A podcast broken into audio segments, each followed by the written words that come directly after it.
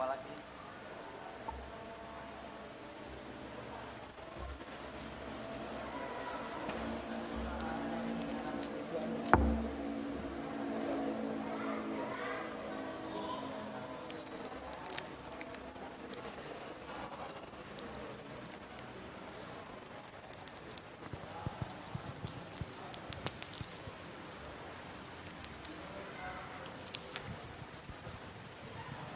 Cek.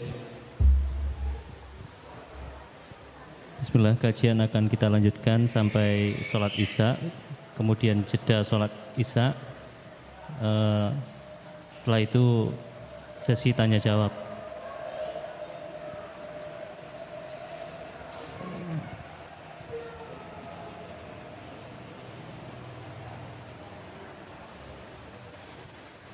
Uh, ya. Yeah. Untuk pertanyaan ya itu disarankan untuk dicatat di atas kertas ya. Semua bagi Ikhwan dan Ahwat.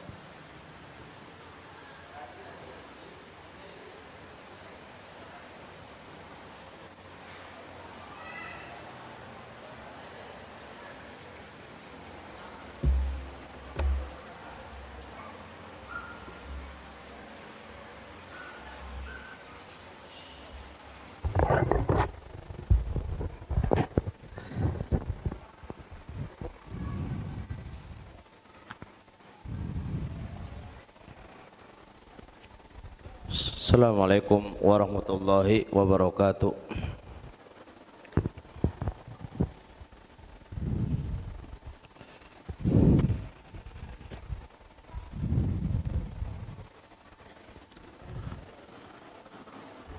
Alhamdulillah wassalatu wassalamu ala Rasulillah wa ala alihi wa sahbihi wa mawala amma ba'd.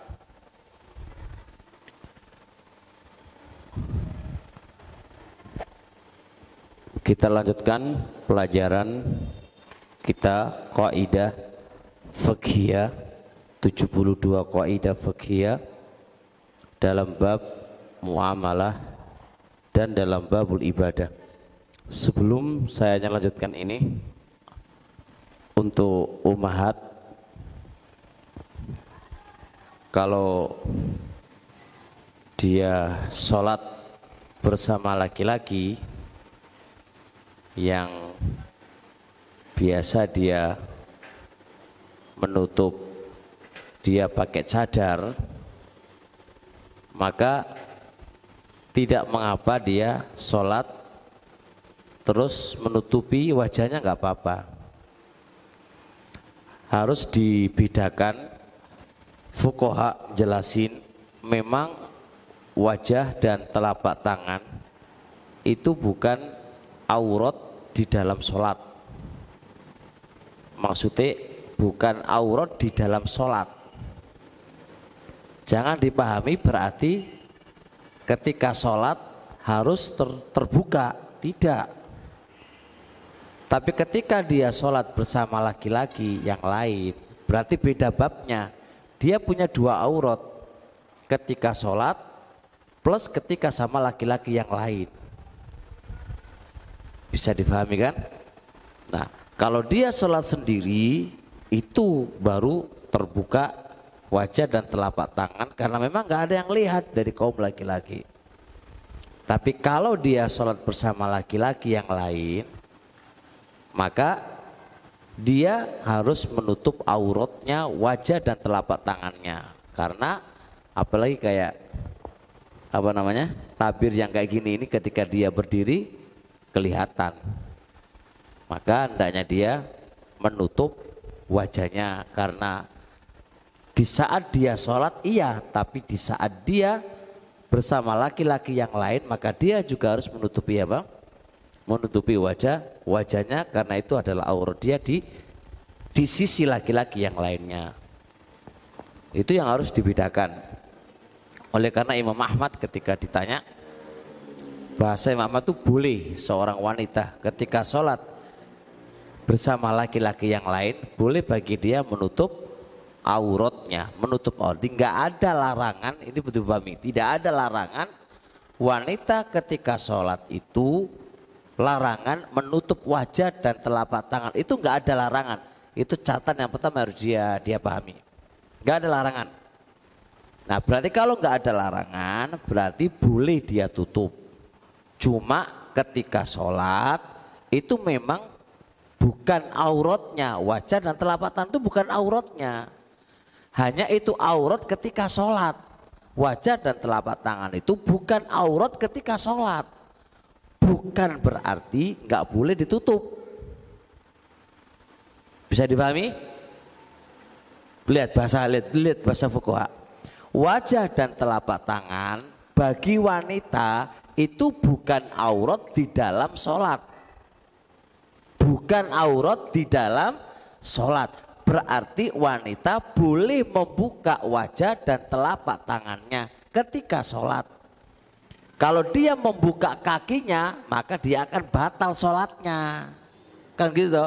Kalau dia membuka apa namanya e, kepalanya, batal sholatnya. Itu terkait dengan pembatalan dan sahnya dia di dalam sholatnya. Bukan berarti nggak boleh menutup auratnya, bukan begitu maksudnya. Tetap diperbolehkan bahkan diwajibkan bisa jadi di saat apa? Ada tuntutan yang menuntut untuk itu. Bisa difahami insya Allah kalau bisa difahami Alhamdulillah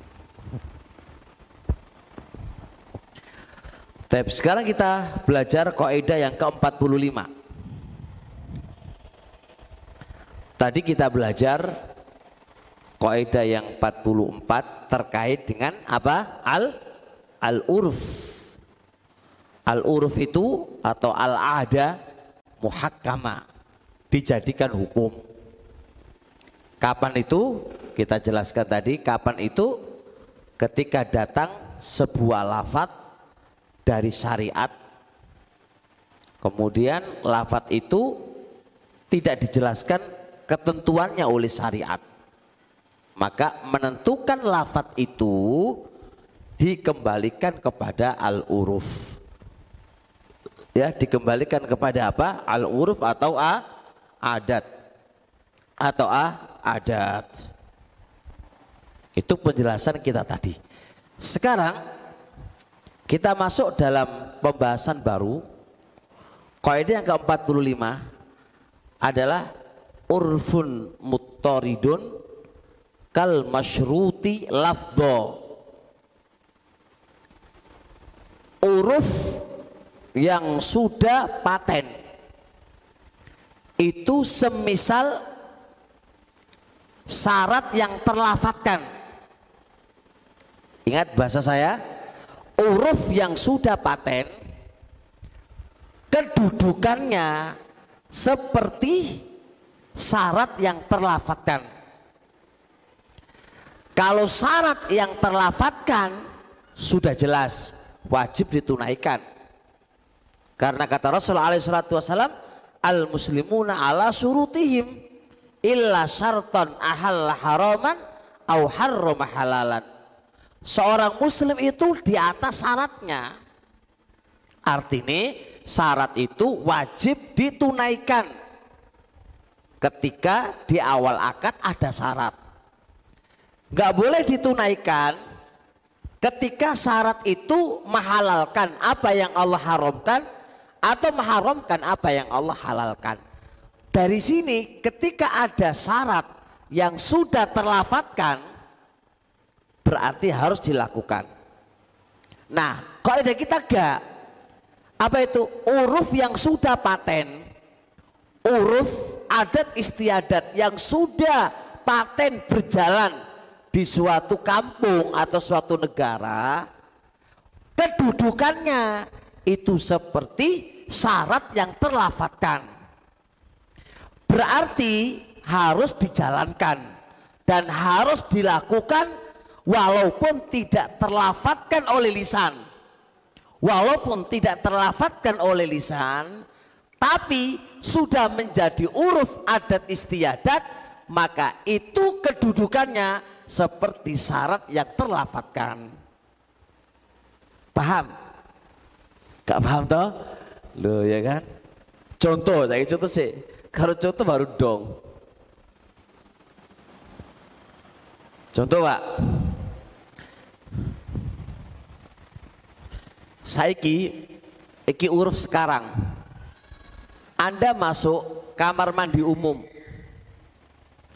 Penjaganya menang wae Pak di dekat di dekat apa? Penjaga kamar mandi loh. Umum Pak umum, lak menang wae duduk dulu HP gitu kan. Ujuk-ujuk Anda masuk ke kamar mandi. Kencing ataukah BAB ataukah mandi? Sampai sini jelas? Taip. Ketika selesai Anda keluar, lalu Anda langsung bayi, mas mas, bayarin di kok langsung lungo iku piye?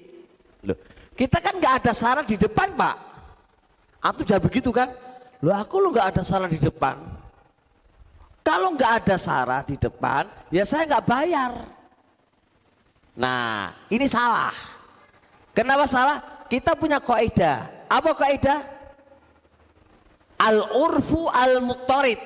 Uruf yang sudah paten. Itu pendudukannya seperti syarat yang terlafatkan. Berarti apa? Orang masuk kamar mandi umum, apalagi di pom bensin, terus ono apa jenenge? Penjagani. Walaupun tidak transaksi sebuah, walaupun tidak ada syarat sebelumnya, urufi kalau Anda masuk kamar mandi lalu berkencing, lalu metu, itu berarti harus bayar. Bisa dipahami? Nah, berarti piye? Anda harus bayar. Lu orang ono syarat kok bayar piye? Iya. Tapi iki wis uruf, iki wis adat istiadati, iki wis wis kebiasaan kebiasaan yang paten. Orang kalau masuk kamar mandi umum terus ada penjaganya, itu ya harus bayar. Paham ya? Maka itu namanya uruf yang sudah paten, kedudukan dia seperti lafat, seperti syarat yang terlafatkan. Berarti walaupun tidak ada lafat yang keluar, adat istiadat itu sudah menjadi apa? Apa, apa syarat yang sudah ter terlafatkan. Berarti harus bayar. Paham? Dengar apa enggak? Contoh kedua, contoh pertama enggak paham, contoh kedua.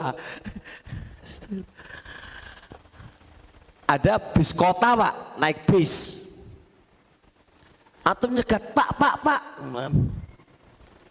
Lalu antum naik. Mau ke mana pak? Surabaya. Duduklah antum, mendeng baik. Sampai Surabaya, atau di tengah-tengah perjalanan, Pak bayar Pak. Lu kok bayar lu? Oh aku naik tadi itu orang no syarat bayar kok. Aku naik tadi nggak ada syarat bayar. Jawaban, memang gono syarat, tapi urufi, urufi kebiasaan iki mobil umum. Duduk mobil bamu iki, mobil umum. Yang biasa nih orang naik mobil umum, iku semisal apa? Iku harus bayar. Bayar tekon di syarat. Urufe adat istiadati. Namanya adat istiadat yang sudah paten itu kedudukannya seperti syarat yang terlafatkan. Paham ora? Wis, contoh ketiga. Saya gurung paham, tak kasih contoh ketiga. Ya, antum bawa baju kotor ke tukang cuci. Wis, pagi gowo, Pak, cuci Pak. Lalu pergi. Ngono lalu pergi. Ujuk-ujuk sore hari Anda datang. Pak, mana baju kotor saya, Pak? Oh, ini Mas, sudah bersih. Lalu pergi dia. Mas, Mas, kok lu sulung aku piye? Tak kira membantu aku ngono. Gak, gak iso ngono iku. Terus piye? Bayar. Lu kan gak ada akad sebelumnya, Pak, kok bayar piye? Iya, kono akad sebelumnya iya, orang ono syarat sebelumnya iya. Tapi ini uruf yang sudah paten. Gimana uruf yang sudah paten? Orang bawa baju kotor ke tukang cuci, ya Pak ya, ke tukang apa sini? Laundry. Ya itu ma'rufe urufe yang bayar. Walaupun tidak terucapkan tersyaratkan di awal. Tapi uruf yang sudah paten itu seperti lafat, seperti syarat yang terlafatkan. Paham ora teman-teman semuanya? Wis. Nah, begitu, Pak. Saya ki uruf ini juga. Antum beli semen di matoko material. Iki uruf loh, Pak. Jadi nanti uruf itu ngono di toko material. Berapa Anda beli? 100 sak. 100 sak. Enggak ada syarat. Di depan dia harus antarkan tuh orang Orang ono, Pak. Gak ono syarat di depan itu diantarkan gak ono. Anda nunggu kok ora teko-teko semen kapan tekoe? Tukune jam 8 pagi. Sampai zuhur pak kok orang dijugu-jugu orang diantarkan piye? Kan? Tukang jari material lho ora ono syarat pak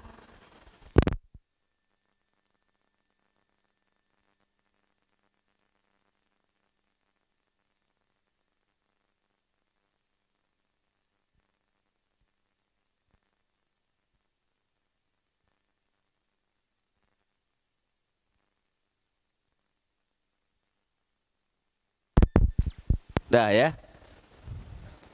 Terus kan nggak ada syarat di depan. Iya pak, memang gono syarat di depan. Tapi urufi kalau beli semen sampai 100 sakiku pak, itu uruf sepaten di tempat kita ini pak. Itu diantarno walaupun tidak ada syarat di di depan. Karena uruf yang sudah paten itu sudah semisal syarat yang ter terlafatkan. Bisa dipahami insya Allah? Nah, atau bisa kembangkan permasalahan tadi di banyak hal. Tep, dalam jual beli. Terjual beli Pak. Uruf kita, uruf kita Pak, kayak dodol apa jeneng itu bensin sak botolan lho Pak sak botolan dek nenggarpe omai iku urufi didol apa dibagi-bagikan Pak? Dijual kan? Orang dibagikan kan? Terus ngomong ini. Ya tak jukuk ngono ae. Eh Pak Pak kok kamu jukuk lu piye? Iki nggak didol iki. Kalau didol tentu di dalam rumah ini dijobo lagi kan. Nah, ngono Pak jawabane urufe Mas. Sengkate wis dikai botol, terus dikai apa? Tempat ngene iki didol Mas. Didol ini ki jenenge. Ora kok dikai cuma-cuma. Uruf sing koyok ngene iki adalah uruf yang paten dan ini semisal syarat yang telah di, di syarat yang apa yang telah ditentukan. Oke, main kedua dimasukkan jebret-jebret terus DKI mek 500 sewu. Eh, DKI mek sewu. Lu mas, kok mek kon kei sewu lu piye? Iki mas regane iki asline 15 sewu. Kok sama kei sewu piye? Lu ora ono syarat kok. Harusnya kan ono syarat sih. Lah yo Mas, huruf sak botol nak kini kira regane 15.000 walaupun nggak ada syarat sebelumnya tapi uruf yang paten ini semisal syarat yang telah di, dilafatkan berarti regane piro 15 sewu Udah bisa dipahami Pak ya? Wis. Bab nikah Pak. Bab nikah. Urufe wong Jawa. Urufe wong Jawa. Ini tinggalkan dulu Pak. Kita nggak bahas syariat dulu ya. Urufe wong Jawa. Orang menikah itu sopo sing membiayai Pak?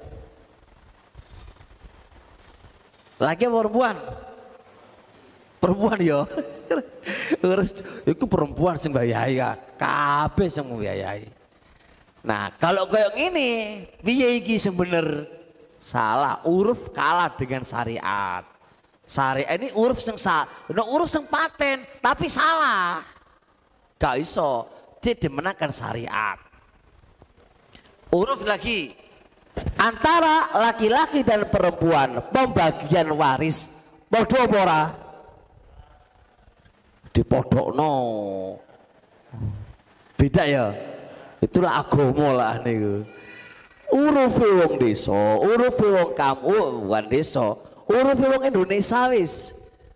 Warisan laki-laki dan perempuan itu sama. Berarti paten kaya syarat gak iso batil karena menyelisih syari syariat. Jadi tetap uruf yang paten yang itu seperti syarat yang terlafatkan tetap diikat. Uruf itu tidak menyelisihi apa? Syariat. Tetap gak oleh kau ujuk-ujuk uruf jadi dalil nomor cici kemudian menentang syariat gak menentang syariat gonok masalah tetap gak iso perkara itu gak iso tetap diikat dengan syari syariat jelas ya insya Allah baik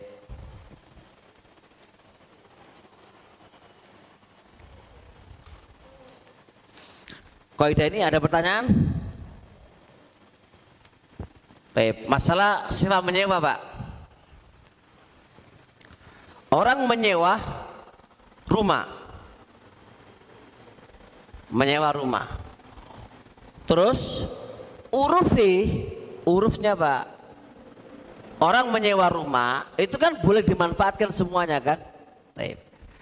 Terus Ketika ada kerusakan genteng atau apa, sopo sing dandani? Sopo sing dandani? Yang nge? nyewa. Yang nyewa nggak mau, lu aku nyewa kok. Orang ono syarat di depan kok. Nah ini dikena bantah. Memang orang ono syarat di depan, tapi uruf yang paten itu semisal syarat yang terlafatkan bisa terlafatkan berarti kalau ada kerusakan genteng atau kerusakan lampu atau yang lain seng dandan itu sengewo tutup bang punya ru rumah. Gitu loh. Baik, terusnya lagi. Nyewa ini sering rame pak. Ini sering rame. Sering rame banget. Dia nyewa rumah tiba-tiba dia punya mobil. Bawa mobil. Mobil diparkir di tempat parkiran yang punya rumah ngamuk-ngamuk lo akad kita lo orang no mobil.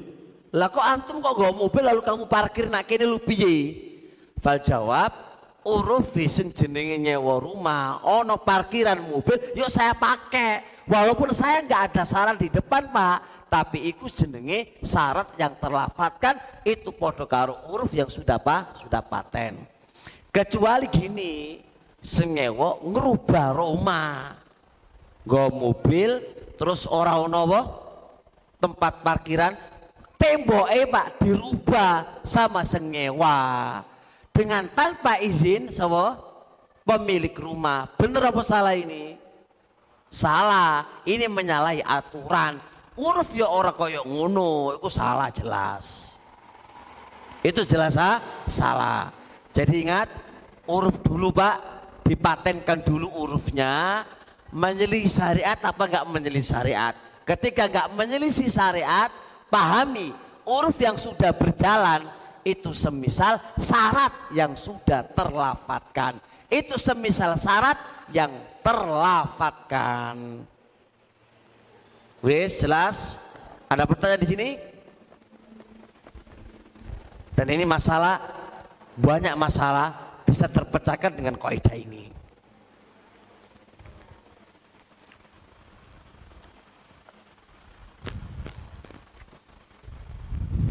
Sama aja, semisal antum datang ke tukang cukur untuk nyukur rambutmu.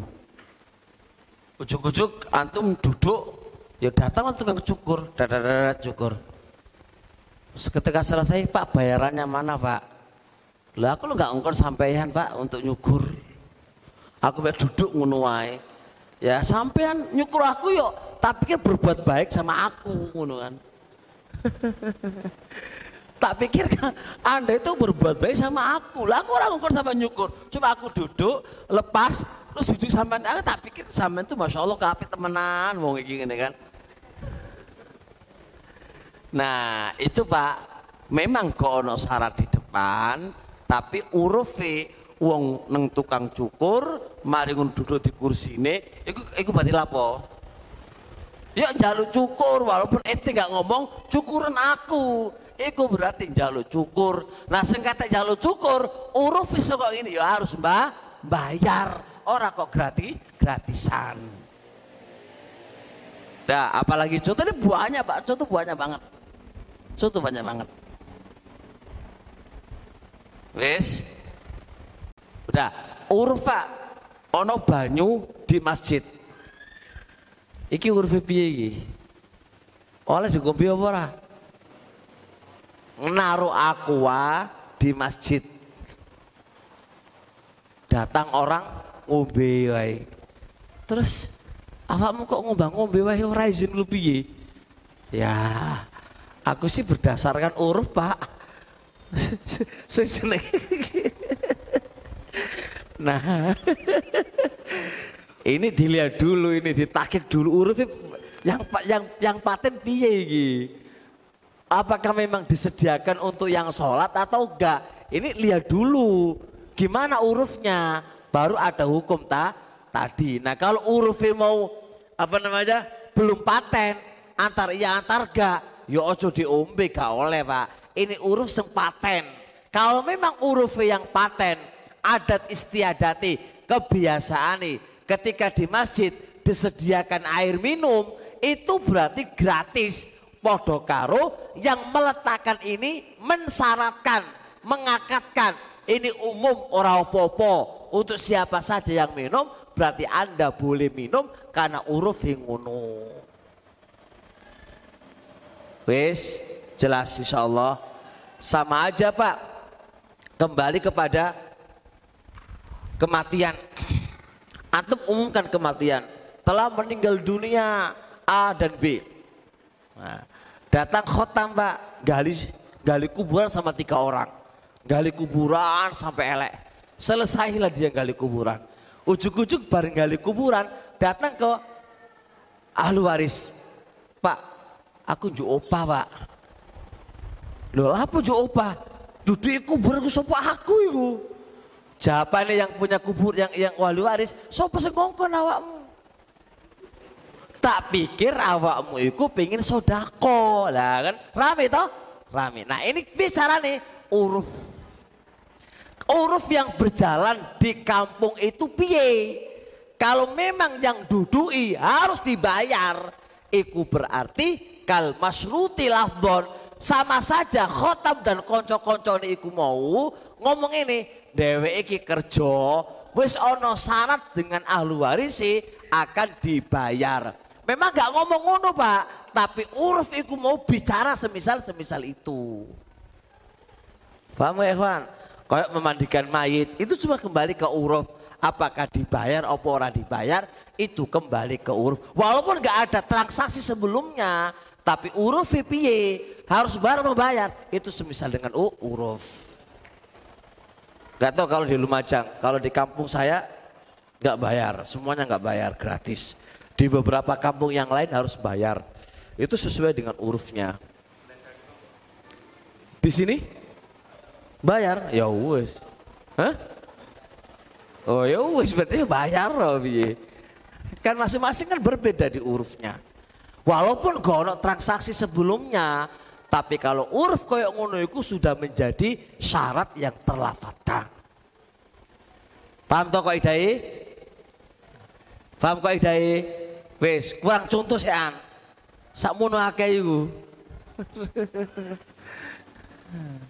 Contoh akhir tenan Pak, gosop. Masjid menyiapkan sandal japit. Ya kan? Sandal japit. Iku maksudnya apa? Maksudnya apa nyiapkan sandal japit nek ngono iku? Iku urufe boleh dipakai. Ya lah. Walaupun gak ono syarat di depan atau lalu pakai. Lu kamu kok pakai sandal masjid? Nah urufnya ya ono sandal ini ya oleh dipakai. Tapi kalau gue mulai maksudnya digawa neng kamar man mandi. Sing kate sampean gawa mulai iku padha karo nyolong.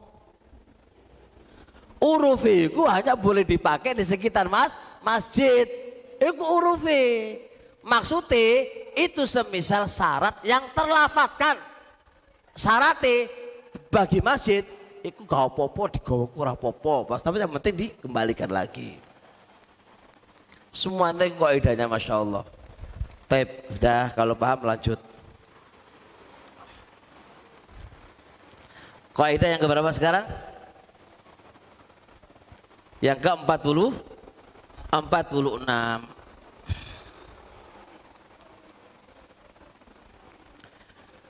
Jami'ul uqudi La buddha an takuna min malikin au mimman lahu wilayatun. Semua akad harus muncul dari orang yang memiliki atau orang yang memiliki wilayah. Taip, ini ada dua permasalahan, Pak. Permasalahan yang pertama kita bahas dulu semua akad. Akad apa aja? Akad jual beli, akad sewa menyewa, akad penggadean, akad wakaf, akad wadiah, akad meminjamkan, semuanya itu munculnya harus dari orang yang memiliki barang itu. Jelas ya? Contoh, antum mau minjamkan mobil bab Arya, bab pinjam meminjam, gak oleh. Anda meminjamkan itu gak oleh. Selama itu Anda bukan yang memilikinya. Bab akad menikahkan, gak oleh pak. Anak ewong sama nikahkan ku oleh. Gak oleh. Anda mau menyewakan barang orang lain, itu bukan milikmu, yo gak oleh pak. Semua akad itu akan sah dan boleh kalau yang mengakadkan itu pemiliknya. Gak pemiliknya gak oleh. Mau gadai, mau meminjamkan, mau menyewakan, mau menghadiahkan, mau mensodakokan, mau menghibahkan, semua akad apa aja itu nggak sah dan nggak boleh kecuali dari siapa? pemiliknya. Ini dipahami nih. Harus pemiliknya loh, harus pemiliknya. Baik. Apa yang mendasari ini? Apa yang mendasari ini? Ucapan Nabi alaihi salatu wasalam kepada Hakim Ibnu Hizam. Kata Rasulullah alaihi salatu wasalam, La tabi' ma laisa indaka. Kamu jangan menjual apa-apa yang Anda tidak memilikinya. Berarti orang wong sing orang duwe barang nggak boleh dodolan, nggak boleh jualan. Allah berfirman, Ya ayyuhalladzina amanu idza tadayangtum bidainin ila ajalin musammang faktubu. Terkait dengan akad utang piutang. Yang mengutangkan juga harus yang punya barang. Kalau yang nggak punya barang, yo ya nggak oleh ngutangkan. Baik, Alasan secara logika teman-teman semuanya. Kalau itu bukan miliknya, lalu dia akadkan dengan akad apa saja, apa yang terjadi? Yang terjadi adalah permusuhan. Ya pora, kok iso anakku sama nikahkan contoh khotam iki khotam mana contoh nih iya. Anaknya Pak Said. Khotam cari bojo laki-laki. Delek bojo. Ketemulah sapa iku? Bapak iku. Gelem kerabian Pak Said. Oh gelem apa-apa di poligami gelem. Lho khotam iku lho ngrabeno anake Pak Said iku lho. Atas apa gitu kan? Orang ono nggak dikongkon walau bukan anak eh coba kalau ini diperbolehkan apa yang terjadi? Iso jadi paten-patenan itu iya ora? Iya iya lah jelas ujuk-ujuk mobil pak di masjid kita sholat khotam transaksi sama uang Terus piye mau tadi ini? Jelas pak, itu pertengkaran, permusuhan dan jadi bunuh membunuh. Nah kondisi yang semisal ini pantaslah Allah haramkan. Karena kaidah syariahnya, kalau kita nggak punya dalil pak, kalau kita nggak punya dalil, sesuatu apa saja yang menghantarkan kepada permusuhan dan pembunuhan pasti dihukumi haram. Pasti dihukumi haram. Aklan wasaran, baik secara akal maupun secara syariat. Oleh karenanya harus pemiliknya yang menjual, pemiliknya yang transaksi. Kalau nggak ngene Pak ya ruwet Pak. Anak nggak bahas terkait transaksi online yang banyak orang jualan tanpa punya barangnya ya. Anak hanya terangkan koidahnya. Anak mau terangkan koidah dulu. Itu itu kita kan nanti bahas kitab jual beli lah. Kita nggak bahas koidah nanti itu. Kita namanya koidah itu nerangkannya adalah uh, kaidah umum masuk kepada semua permasalahan. Dengan Anda memahami kaidah ini insya Allah bisa kebayanglah transaksi online apa saja yang Anda nggak punya barangnya gak oleh totolan.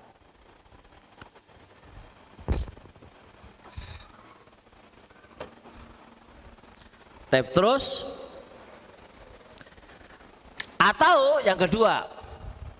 Atau yang kedua boleh orang itu menjual atau mengakatkan sebuah akad. Itu kan tadi apa? Imah pemiliknya kan itu kan ya? Atau dia punya wilayah. Atau dia punya wilayah wilayah. Berarti kalau dia punya wilayah punya kekuasaan boleh apa enggak boleh kalau dia punya wilayah nah Wilayah ini ada berapa wilayah dalam ilmu ilmu ilmu fikih? Ada berapa wilayah yang dia punya hak untuk mengakatkan sebuah akad. Padahal dia bukan pemiliknya. Dia bukan pemiliknya loh ya. Dia bukan pemiliknya, tapi dia memiliki wilayah. Wilayah yang Allah berikan atau wilayah yang pemiliknya memberikan kepadanya. Wilayah Pak ada dua Pak wilayah yang Allah berikan kepadanya dan wilayah yang kedua pemilik harta yang memberikan kuasa kepadanya. Itu berarti boleh. Contoh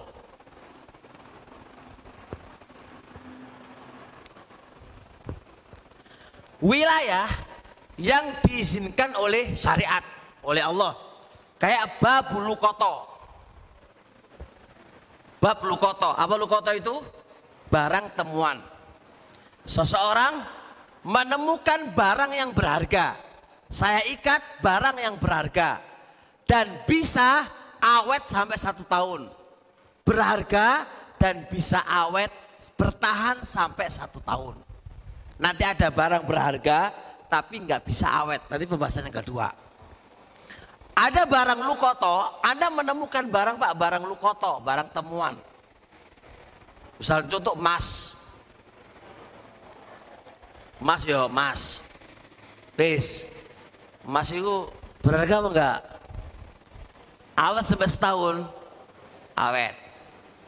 Nah setelah Anda temukan itu, Anda umumkan. Umumkan sampai setahun. Ketika sampai setahun ternyata nggak datang pemiliknya. Apakah boleh Anda menggunakan itu barang? Pendapat yang benar boleh digunakan. Apakah Anda dapat izin dari pemilik barang? Nggak ada izin. Tapi dari mana? Dari Allah, dari syariat. Fa'in kata Rasulullah, kalau dia ingin setelah satu tahun, maka falyatasarraf, maka boleh dia gunakan itu barang temuan. Dia nggak ada izin, dia itu bukan duitnya, bukan barangnya, dia nemu, berarti kan barang orang lain tuh. Dia nemu, itu barang orang lain. Dia barang orang lain, Pak. Berarti kan nggak boleh dong dia menggunakannya. Ya kan? Iya, kan bukan miliknya. Tapi ini ada wilayah. Wilayah dari mana? Allah memberikan kekuasaan kepadanya untuk boleh menggunakannya. Tapi diikat kalau sudah diumumkan selama berapa? Satu tahun. Cara mengumumkannya biye. Gimana cara mengumumkannya? Ayo jawab. Gimana cara mengumumkannya? Gak ada keterangan dari syariat. Berarti kembali ke uruf. Urufnya fukoha itu dulu menyampai begini. Tapi gak ada dalil ya. Ini urufnya fukoha dulu. Nyampaikan satu minggu pak. Itu terus menerus. Terus menerus. Di mana? Di tempat-tempat perkumpulan manusia. Ben, pinggir masjid kono selesai masjid. Kaum muslimin siapa yang kehilangan. Tapi harus sebutkan bendai. Engkau mirip lagi sengakulan Sampai kehilangan emas menurut tawai. Sampai selama seminggu pak. Ada mengatakan selama sebulan. Terus menerus. Setelah sebulan, satu minggu. Per satu minggu, seulan. Dari mana keterangannya? Uruf yang menentukannya. Uruf kita sekarang beda dengan dahulu. Nggak perlu gembur-gembur di pinggir jalan. Pakai apa? Pakai apa? Ah, pakai berita. WA terbatas no. Berita. Ya WA kena lah. Urufnya WA Instagram atau apa lah lah. Itu uruf menentukan untuk itu. Berapa hari berapa bulan sekali semua uruf yang menentukan.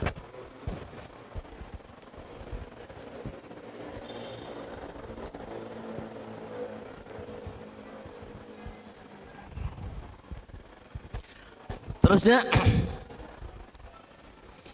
Kedua, masuk ke lukoto boleh digunakan dikarenakan tidak bertahan lama. Enggak bertahan lama. Contoh, antum jalan ujuk-ujuk nemu anggur, Pak. Anggur merah. Berapa kilo? Plastik pak plastik itu lumayan pak duitnya pak piro sekilo nih piro pitung puluh nah kali sak plastik piro coba Siono sejuta, sejuta masuk istri mahal itu. Antum umumkan selama setahun pak. Ya bosok, ya bosok. Nah, maka kasus yang demikian ini, berarti kan, kaidah pelajaran kita dulu. Kita dihadapkan dua masalah yang sama-sama pahit. Apa itu pahitnya? Kalau Anda biarkan bosok dan itu tabdir dilarang oleh syariat. Kalau Anda makan dua epiye maka idza tazaham adadul mafasidi yurtakabul adna minal mafasidi. Tabrakan dua mafsada, dua kejelekan, dua larangan. Maka ambil yang paling kecil mafsadanya. Apa yang paling kecil? Panganan tapi dengan syarat, kalau datang orangnya Anda harus kembalikan. Gono alhamdulillah. Tapi ojo kok menengai, tetap Pak tadi itu diumumkan, ojo kok langsung dipangan. Tetap diumumkan dulu. Kalau ini bertahannya berapa hari? Bertahannya mungkin seminggu toh, berarti sehari diumumkan dua, diumumkan tiga hari. Sampai kok mau satu minggu mau bosok, kok belum ada yang datang, itu baru boleh dimakan. Tapi dengan syarat kalau nanti datang pemiliknya, Anda harus ganti itu. Kenapa diganti? Karena duitmu harus kamu ganti. Oh cukup meneng wae kadung aduh enak pol lagi meneng wae gitu. Nah.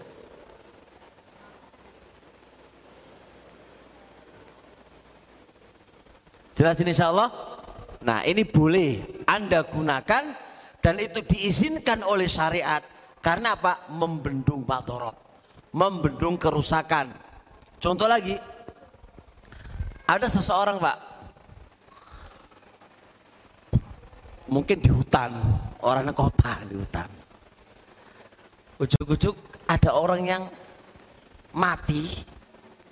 Tapi nggak tahu ini siapa ini tapi nggawa duit akeh. Nggawa duit akeh. Dan nggawa panganan sing akeh gitu lah ya. Nah terus Pak, ya, boleh Anda gunakan uangnya dia boleh untuk ngeramut dia. Jenazahnya semuanya nggak ada orang yang tahu. Apakah Anda dapat izin dari pemiliknya? Nggak ada izin, dia mati. Terus B, apakah Anda boleh? Boleh Anda gunakan. Diizinkan oleh diizinkan oleh syariat. Dari mana diizinkan oleh syariat? Karena mimbabid daruro dia harus dikubur, dia harus dibeginikan. Nah, dari mana itu? Ya dari uangnya dia, dari uang kita nggak punya duit kan? Dari uangnya dia dipakai. Jelas insya Allah. Paham apa lagi? Kok menengai gitu, nggak dong. Dah, ketiga. Ketiga. Adalah boleh Anda uh, gunakan tapi dapat izin dari pemiliknya. Sudah Isa Pak? Sudah? Kenapa? Udah isya nggih? Nggih. Nggih pun insyaallah. Sampai sini dulu. Kita akan lanjutkan setelah toh? Setelah isya kita lanjutkan sebentar insyaallah. Tanya jawab atau masih lanjutkan sebentar nanti. Uh, subhanakallah alhamdulillah Assalamualaikum warahmatullahi wabarakatuh.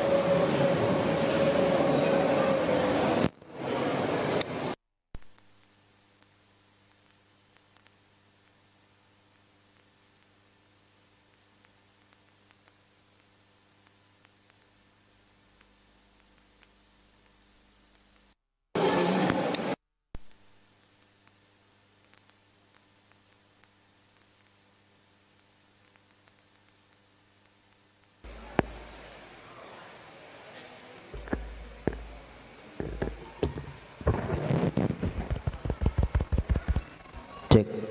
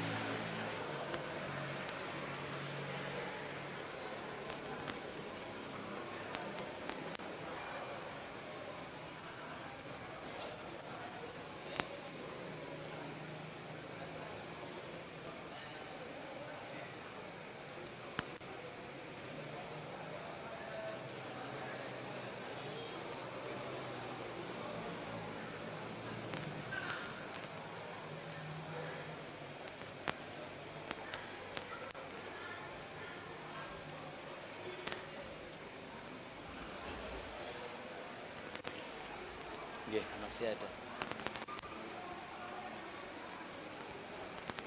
Iya.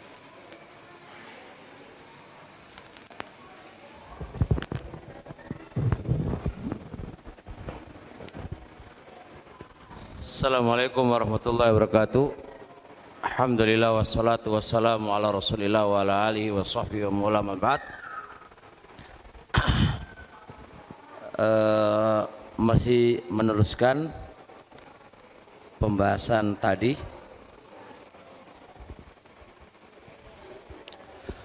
Ingat semua akad Anda ingatkan lagi semua akad ya semua akad. Akad ini apa aja Pak ya? Tidak hanya akad jual beli ya. Akad wakaf akad penggadaian akad penyewaan semua akad. Ini nggak sah dilakukan kecuali dari siapa? Pemiliknya. Ingat pemiliknya, pemiliknya. Atau orang yang punya wilayah. Orang yang punya wilayah ini itu terbagi tiga.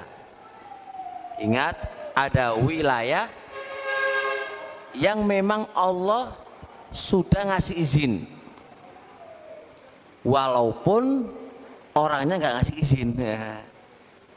jelas Allah yang ngasih izin. Nah ini juga harus dirinci lagi. Harus harus rinci lagi. Sabar dulu teman-teman ya. Ngajinya sabar.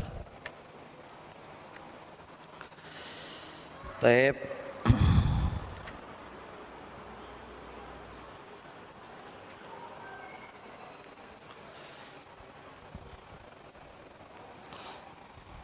Taib ya. Orang yang punya wilayah. Dan wilayah ini saya sampaikan tadi ada tiga wilayah. Wilayah yang pertama apa tadi? Dapat izin dari syariat. Yang dapat izin syariat tadi, saya contohkan apa tadi? Barang lukoto, barang lukoto ya. Barang lukoto, barang temuan ini dapat izin dari syariat. Jelas ya, dapat izin dari syariat. Yang kedua, diperbolehkannya menggunakan karena sebuah tuntutan atau karena sebuah darurat sebuah tuntutan atau sebuah darurat kasusnya kayak apa tadi barang temuan yang tidak awet barang temuan yang dia tidak awet maka boleh kita gunakan karena sebuah tuntutan yang mendesak atau sebuah darurat yang harus kita gunakan tadi. Jelas? Yang nomor tiga, inilah poin yang kita bahas adalah dapat izin dari siapa? Dari pemilik barang. Dari pemilik barang. Nah ini namanya wilayah yang diberikan oleh pemilik barang. Udah jelas insya Allah. Baik. Kalau paham tadi, kita ada tiga pembahasan lagi. Pembahasan yang pertama terkait dengan wilayah yang diberikan oleh pemilik barang ini terbagi menjadi tiga. Ada yang namanya wakil, ada yang namanya wasi, ada yang namanya nadir. Tiga, ada yang namanya wakil, ini adalah wakil pak, dikasih wewenang, dia masih hidup, dan Is wakil gitu aja, wakil. Ini ma'ruf insya Allah. Yang kedua adalah wasi. Wasi ini siapa? Orang yang dikasih wewenang untuk mengurusi hartanya setelah dia meninggal. Setelah dia meninggal. Ini berarti dia dapat izin dari pemilik barang tapi setelah dia mati dan itu di, diistilahkan oleh fuka namanya wasiat. Yang ketiga ada yang namanya nazir. Nazir itu adalah orang yang diserai di dalam pengurusan wakaf. Pengurusan wakaf. Jadi misal contoh saya punya tanah. Saya nadirkan kepada Pak Said. Berarti Pak Said ini apa statusnya? Nadir, pengurusan tanah wakaf. Pertanyaan selanjutnya, boleh nggak dia menjual tanah wakaf? Nah ini kan, boleh nggak dia uh, gunakan sewakan? Boleh nggak dia jual?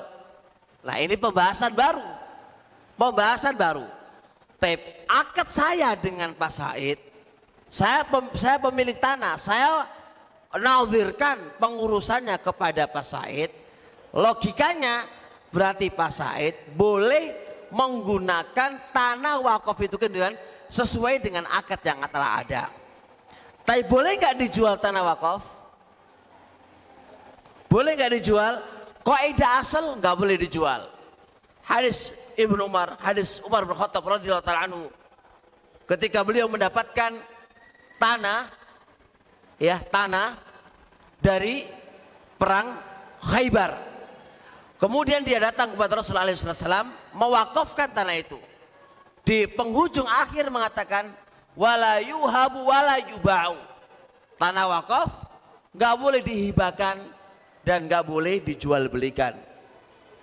Berdasarkan hadis ini, para ulama mengatakan tanah wakaf nggak boleh dijual dan nggak boleh dihibahkan. Akan tetapi, akan tetapi, sebagian ulama berpendapat boleh tanah wakaf itu dijual lima selahatin fi karena ada kemaslahatan yang ada di dalamnya. Misal kayak apa kemaslahatan itu? Contoh, Ketika tanah wakaf itu nggak berfungsi, nggak berfungsi. Di tempat yang jauh mau dibikin pondok ya mungkin, Orang-orang di sekitarnya juga nggak memungkin ngasih izin. Artinya lima selahatin nggak ada di situ. Maka lihat Nadir, lihat fungsi Nadir. Maka Nadir menjual tanah itu dan dialihkan ke tempat yang lebih ramai yang memungkinkan dibikin pesantren sesuai dengan akadnya dia dengan pemilik barang. Maka boleh nggak tasarufnya Pak Said? Boleh. Boleh kawan, boleh. Kenapa? Lima selahatin fi. Karena apa?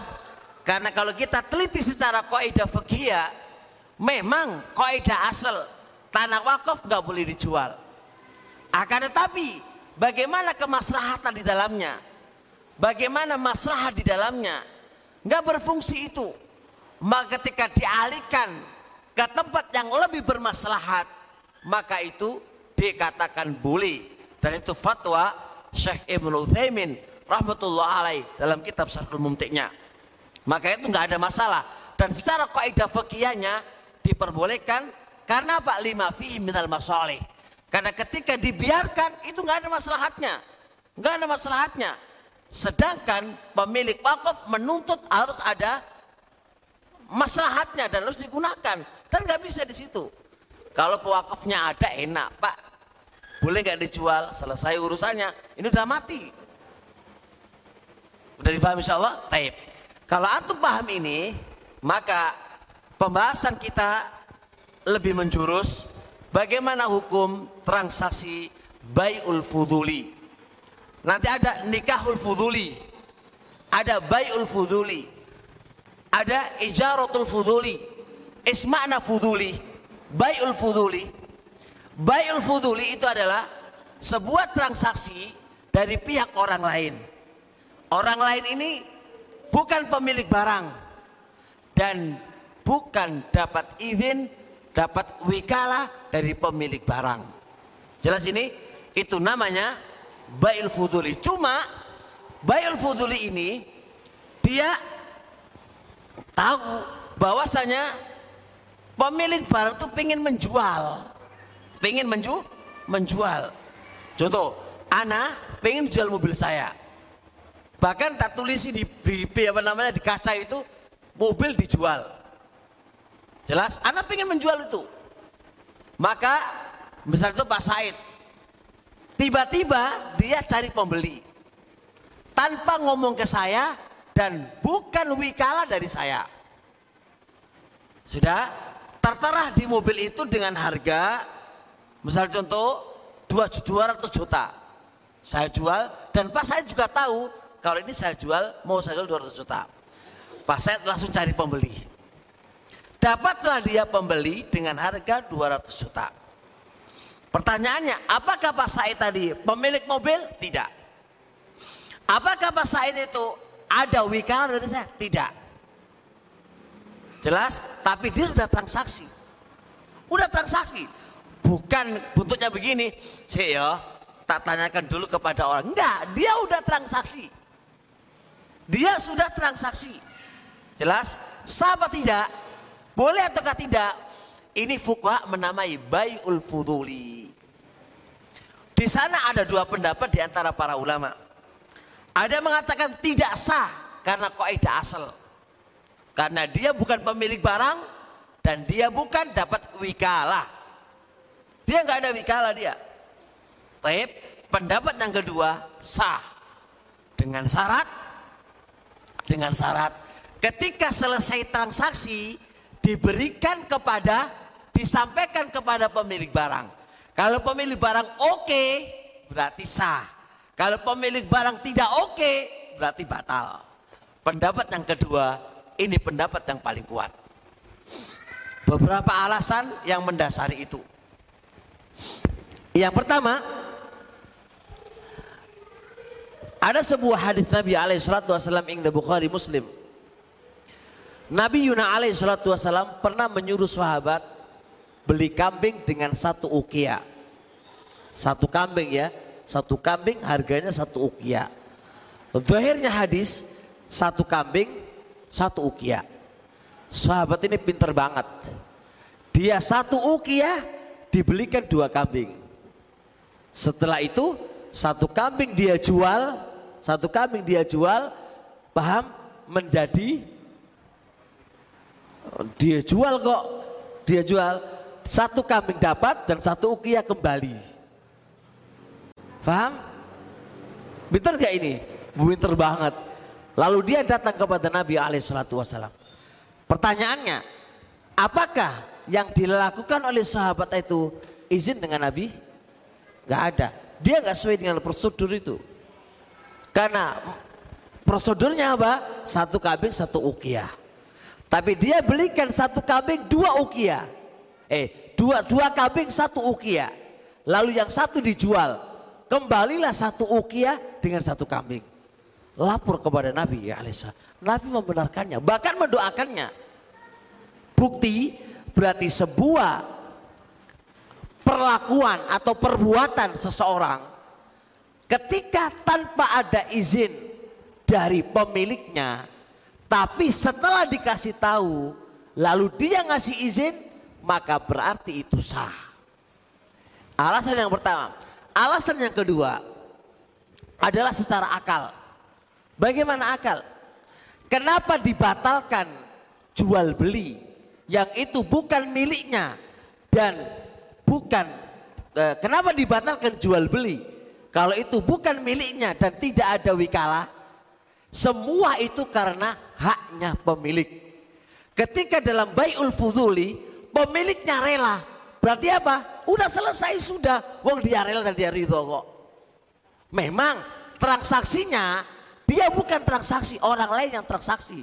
Tapi ketika dikasih tahu ke dia dan dia rela, berarti haknya dia sebagai pemilik dia sudah gugurkan. Haknya dia sebagai pemilik dia sudah gugurkan. Buktinya dia ridho. Berarti menjadi bo boleh dan itu adalah sah. Bisa dipahami? Ternyata ya kan barakallahu fik. Para ulama memakai bayul fuduli tidak hanya dalam jual beli, hatta dalam pernikahan pun itu masuk nikahul fuduli. Contoh, Pak Said ini ingin nikahkan anaknya. Wes, terus ngobrol sama kita, Ustaz, anak ingin gini. Nyuruhnya saya, ono khotam nak gunung. Oh khotam nggak nggak di majelis itu, agak jauh tapi denger-denger pas saya ini pengen nikah anaknya. Wis. Sifat-sifatnya aku ngomong pas saya sifatnya kayak apa ya? Siji. Ganteng ngono kan? Luru wong Arab. Mana pak? Telu pakai ngono wis. Khotam pinter banget cari. Dapat. Ketika dapat dia langsung nikahkan mantap kan pak dia langsung nikahkan ambil fotonya mau nggak dengan wanita ini Mau. Ya wis, mobil tuh ya. Nah, khotam bukan ke pasar kan, khotam yang menikahkan. Jelas ya? Mantap khotam nikahkan. Pertanyaannya, sah nggak nikahnya? Lah, secara akal nggak sah. Karena dia bukan wali kan? Ya enggak? Itulah yang namanya nikahul fuduli. Kalau nip, kalau jual beli fuduli itu sah, maka nikah fuduli juga sah pendapat yang paling kuat. Sah, gak apa-apa, tapi dengan syarat. Setelah dinikahkan sama khotam, khotam langsung laporan ke Pak Pak Said. Aku no anakmu, ini fotonya, ini orangnya. Setuju bora? Gue setuju, sah. Gak usah nikah, nikah ulang gak usah. Kenapa kok begitu? Karena ini namanya nikahul fuduli. Yang tadi baiul fuduli sah.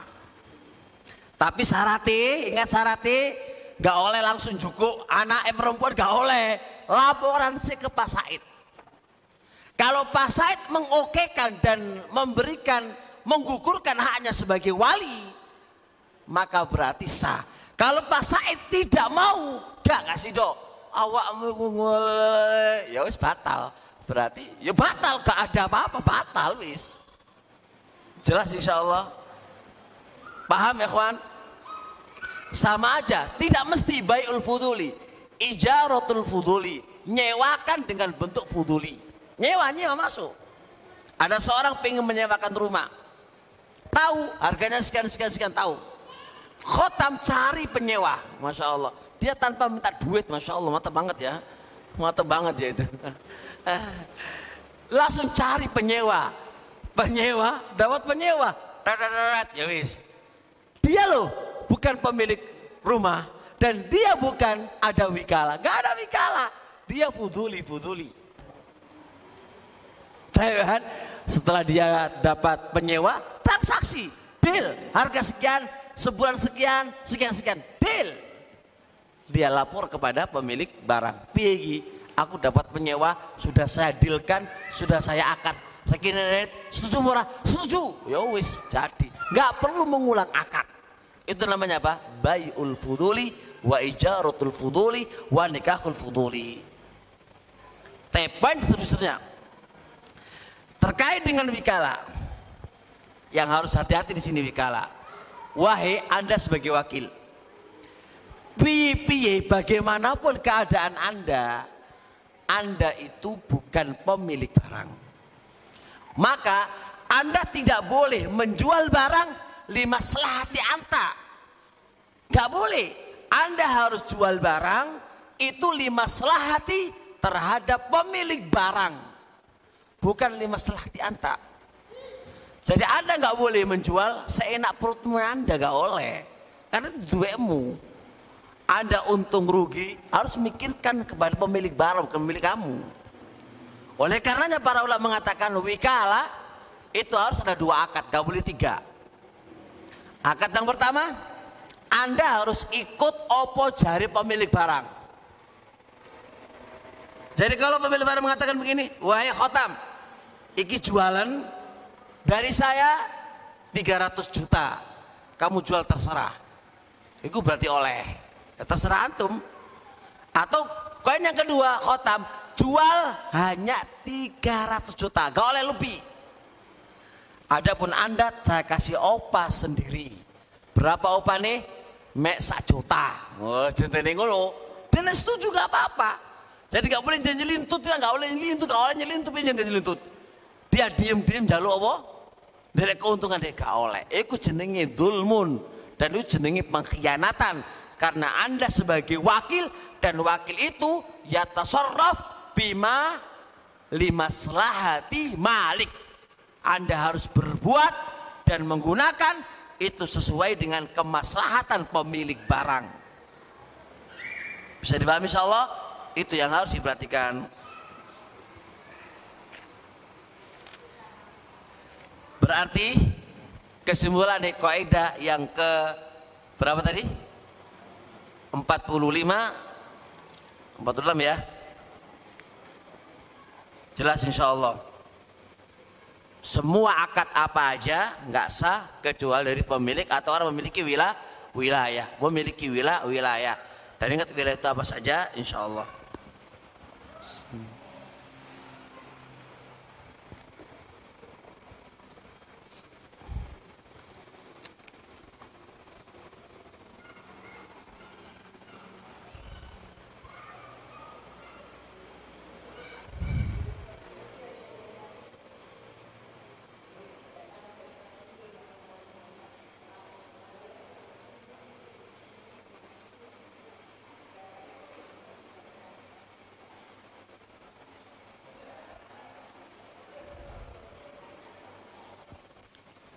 Bagaimana kasusnya? Ketika ada tanah yang telah bertahun-tahun dimiliki sah. Maksudnya dimiliki oleh seseorang dengan pemilikan sah begitu maksudnya. Namun ternyata setelah berpuluh-puluh diketahui tanah itu diambil alih oleh negara. Apakah ahli waris perlu mengusahakan kepemilikan tanah tersebut? Karena pemilik tanah sudah wafat namun pernah berwasiat ingin membangun rumah tafid di atasnya. Uh, ada dua perkara yang harus dipahami di sini. Yang pertama,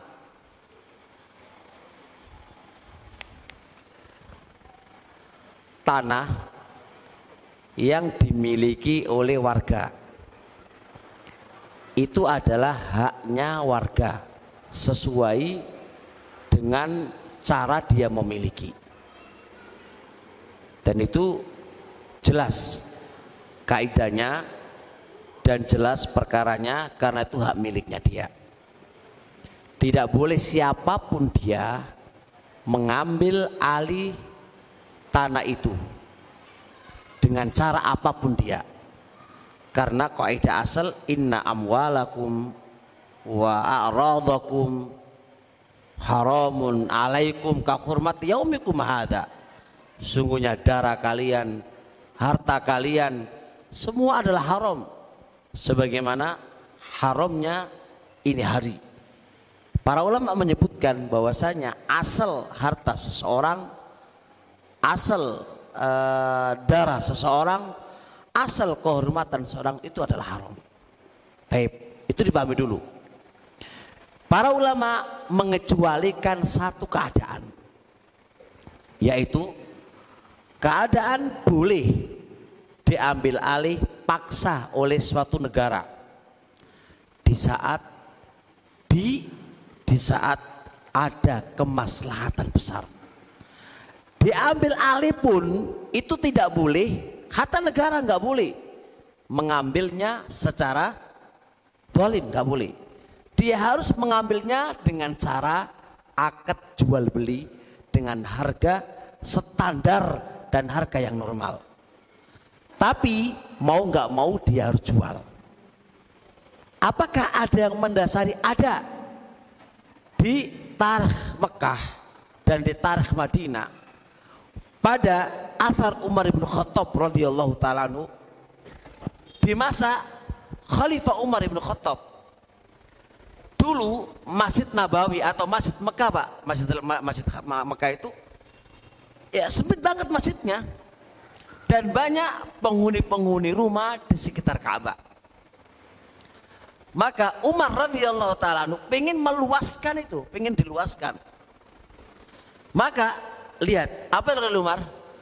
Umar radhiyallahu taala pengen membeli mereka rumah-rumah ini. Dibeli oleh Umar, Pak. Saya mengatakan, andai kata mereka mencegah, nggak boleh dijual, saya akan bangun di atasnya. Dia berarti dihancurkan dan dibangun itu, Pak. Ini menunjukkan bahwasanya tetap haknya masyarakat diposisikan sebagai haknya dibeli dengan normal tapi ketika dia tidak mau menjualnya ke negara untuk kemaslahatan umum maka boleh diambil secara paksa dijual secara paksa. Tapi dengan syarat apa? Dengan syarat apa? Harga harga yang normal. Juga di masa Utsman bin Affan radhiyallahu taala bahkan Utsman bin Affan itu mempenjarakan Pak orang-orang yang nggak mau jual area tempat di sekitar Madinah karena kemaslahatan untuk umum. Tapi kita pakai jalan tengah-tengah, kita harus jual karena pemerintah membutuhkannya. Walaupun kita ingin, walaupun kita anu, kita jual untuk lima selatan umum kepada pemerintah. Tapi ingat, tapi ingat harus dijual dengan harga apa? Standar dan harga yang umum. Lah berarti Bagaimana ini? Ya kalau nanti bisa urus, urus kepada pemerintah. Tapi kalau nggak bisa diurus dan tetap diambil pemerintah dan Anda tidak dikasih hak, maka Anda diam dan nggak usah rame. Bersabar atas apa yang Allah telah berikan kepada Anda. Kalau Anda bersabar, insya Allah Allah akan berikan jalan keluar yang terbaik. Bukan berarti Anda viralkan di medsos. Ini akibat pemerintah kita ini mengambil hak kita ini nggak boleh nggak ada untungnya justru dengan perbuatan anda ini menjadikan mafsada yang paling besar. Apa mafsadanya? Umat. Nggak percaya lagi dengan pemerintah kemudian mereka akan apa namanya demonstrasi kepada pemerintah dan itu nggak ada untungnya. Justru mafsadanya lebih besar. Maka itikot ahli sunnah wal jamaah mengatakan wa'id akhoda malaka wa asmi isbir waati. Walaupun pemerintah itu mengambil harta kamu dan memukul punggung kamu, sabar dan taatilah. Itu adalah nasihat Nabi alaihissalatu wassalam. Memikirkan masalah yang terbesar daripada hanya secuil tanah dan seterusnya tadi. Kalau masyarakat sudah nggak percaya dengan pemerintah jadi apa? Justru mafsadah yang lebih besar. Itu yang perhatikan.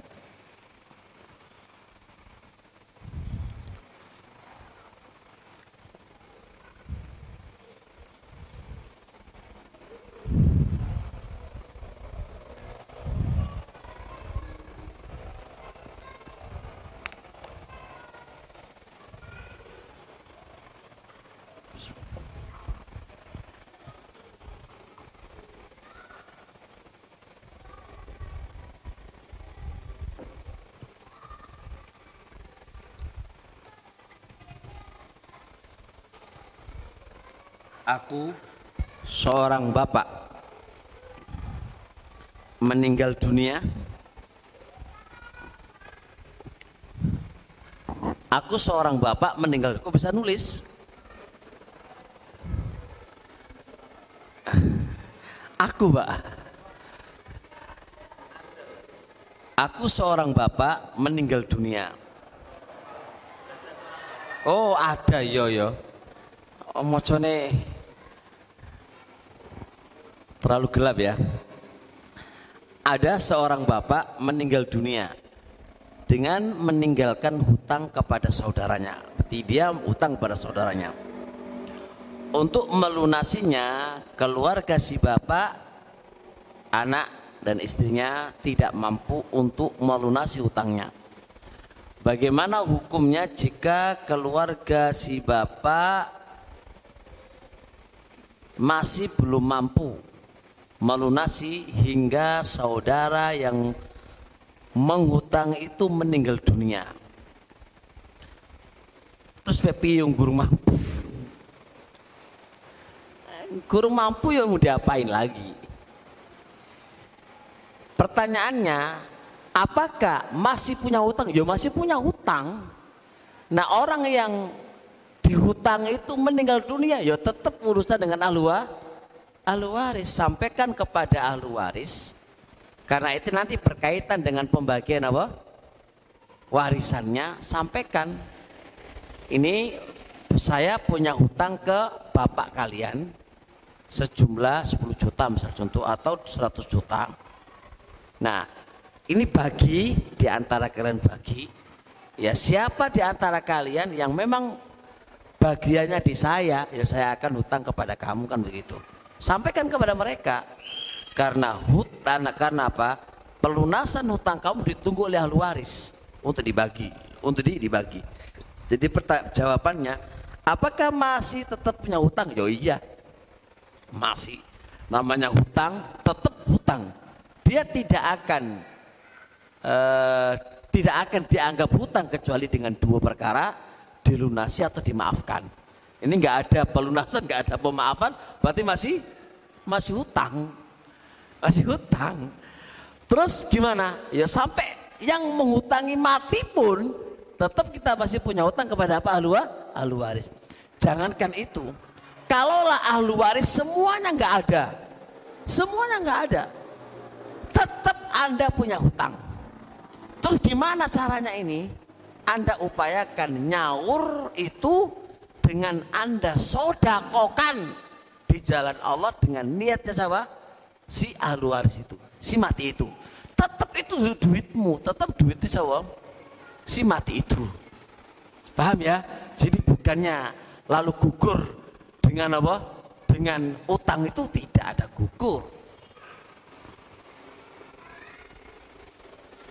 Bismillah. Jika mengadaikan mobil, apa boleh orang peng, apa, pengadai memakai mobilnya? Uh, perlu dipahami gade ini ada dua hal. Ada gadai dari utang piutang dan ada gadai karena jual beli. Bisa dipahami? Kalau gadai dari utang piutang nggak boleh dipakai. Karena apa? Itu masuk dalam bab riba. Ayu korbin, ayu nafin min korbin fawa riba manfaat dari utang piutang maka itu adalah riba nggak boleh Kok bisa? Karena Anda sekarang mengutangi.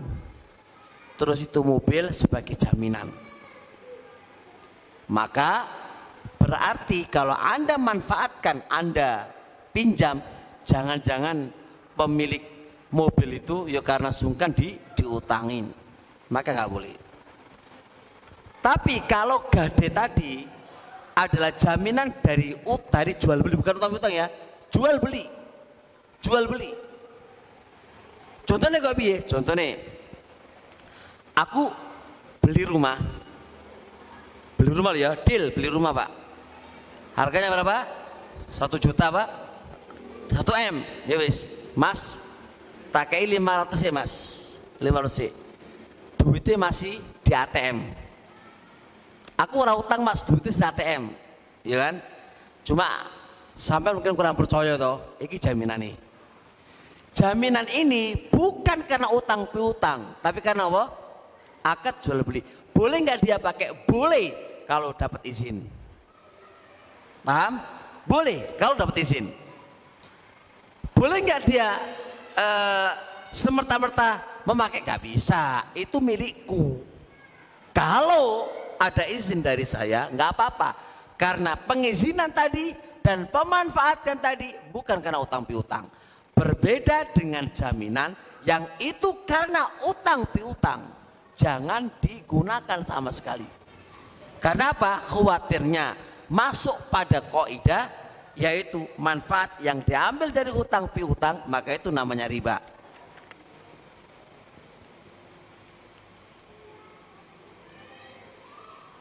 Apa ini? Apa ini? Oh, apakah wakaf harus ditengahi oleh pemerintah? Dalam hal ini Kementerian Agama atau cukup dengan perorangan? Apakah nadir wakaf boleh siapa saja atau ada kriteria tertentu? Uh, adapun nadir itu apa saja, siapa saja dan bagaimana sifatnya?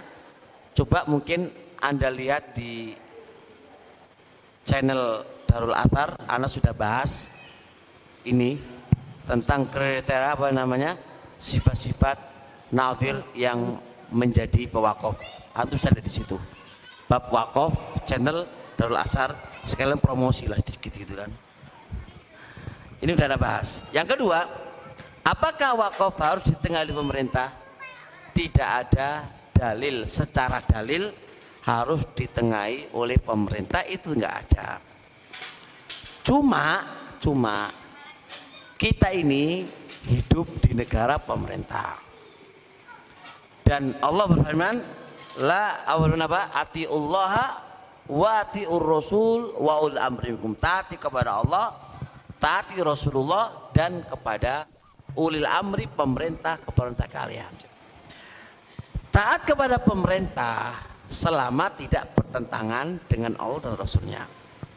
Nah, pencatatan di pihak negara, di pihak pemerintah itu nggak ada perselisihan, nggak ada pertentangan Al-Quran dan As-Sunnah. Bahkan pencatatan itu supaya lebih aman. Maka berarti dengan lebih aman dan tidak ada pelanggaran syariat, maka dianjurkan untuk ditengahi oleh pemerintah. Bahkan bisa sederajat hukumnya wajib di beberapa keadaan itu dicatat oleh pemerintah. Karena nggak ada dalil yang melarang. Innama ta'atul ta'ata lima khlukin fi maksiatil khalik. Tidak ada ketaatan bagi makhluk kalau itu maksiat. Nah ketika pemerintah selama nggak maksiat, maka berarti nggak ada masalah itu dengan syarat kalau pemerintah menekan dan memerintahkan kepada kita dan mewajibkan kepada pemerintah kepada kita. Kalau pemerintah nggak mewajibkan untuk dilaporkan, ya orang masalah nggak mewajibkan kita kok mau diapain masalahnya. Ini kalau pemerintah mewajibkan kepada kita untuk harus tanah wakaf dilaporkan ke negara, ya laporkan karena nggak ada unsur pelanggaran syariat. Tapi kalau pemerintah tidak mewajibkan bahkan membebaskan, ya alhamdulillah selesai perkaranya. Tapi ketika pada titik yang nggak aman nantinya, pada titik yang nggak aman loh ya, khawatir nanti diambil oleh keluarga si pewakil apa naudir atau yang lainnya dan itu masih masalah maka semisal ini daf'an lidoror menolak kepada kemaudorotan dan menolak kepada mafsada maka dengan kaidah ini bisa menjadi hukumnya wa, wajib walaupun pemerintah tidak mewajibkannya. Jelas? Nah umat ada mau nanya lagi? Ya, Bismillah mau tanya Ustadz. Eh, tentang batasan riba Ustadz. Eh, batasan riba itu seperti apa kalau dalam kasus kita itu eh, pinjam uang sama orang lain? Karena sebelum kita pinjam uang, kita itu sudah sering eh, seperti memberikan hadiah, memberikan kue atau yang lainnya. Terus apakah saat kita sudah pinjam uang itu kita tidak boleh memberikan eh, hadiah lagi sebelum utangnya lunas? Jazakallah khair. Aku nggak nggak dong. Eh, suaranya pecah. Agak agak dibikin jauh apa namanya eh, mic-nya biar jelas. Iya, sudah Ustadz. Ya wis. Tes. Iya, eh, mau tanya tentang masalah batasan riba Ustadz. Sisi.